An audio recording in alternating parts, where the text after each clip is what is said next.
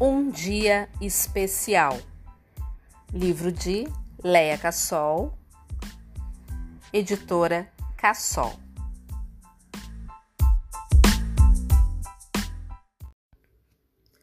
Capítulo 6 Fim da tarde. O trem foi diminuindo a velocidade e parou na estação Mercado.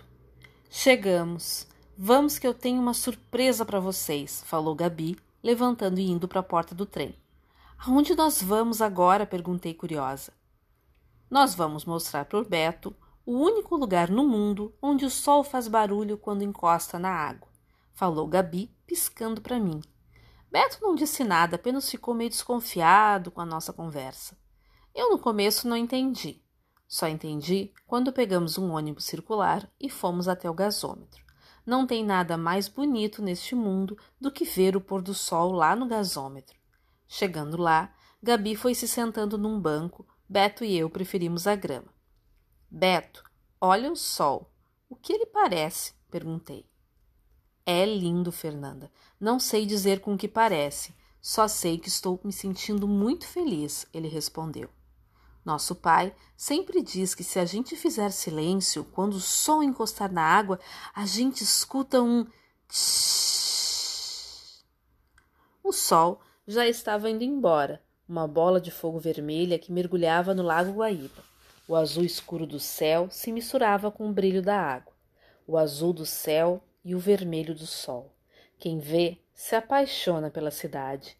É claro que a gente não podia ver tudo o que tem em Porto Alegre num único dia. E depois, para que tanta pressa? Eu teria no mínimo uns dois anos para apresentar a cidade para ele. Só que tem coisas que não podem esperar, não é mesmo? Enquanto a gente ia caminhando para a parada de ônibus, Gabi perguntou: Beto, para qual time tu torce? Uai, eu gosto do Atlético Mineiro, mas não sou fanático, não. E o que tu achas de conhecer os times daqui? falou minha irmã. O quê? Você vai levar a gente no Grenal de hoje à noite? Perguntei, quase desmaiando de emoção. Não, eu não acredito. Beto, me belisca que eu tô sonhando. Eu nunca tinha ido a um jogo no estádio e naquela noite teria um grande jogo do Campeonato Gaúcho. Bem, eu conversei com nosso pai e ele e seu Ângelo vão ao jogo. Pensei que vocês iam gostar de ir junto, mas se vocês não quiserem. Não, é claro que a gente quer. Não é mesmo, Beto? E dei um cutucão nele. é sim, Gabi. Futebol é bom demais, uai.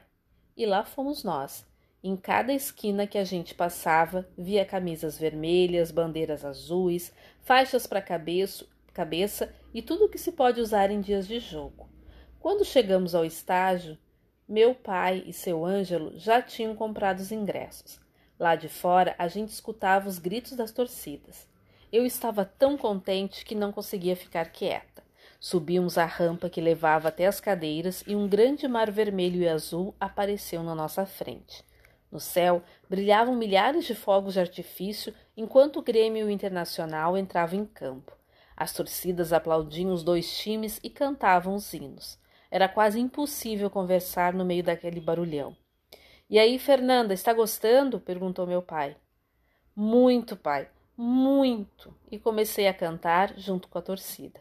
No meio da pipoca, amendoim, cachorro-quente, assistimos a um jogo maravilhoso melhor ainda, porque o meu time ganhou.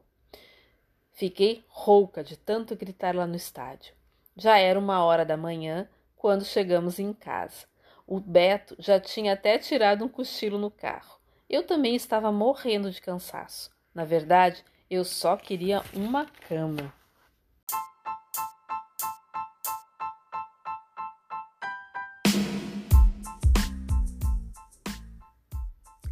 Fim do capítulo 6.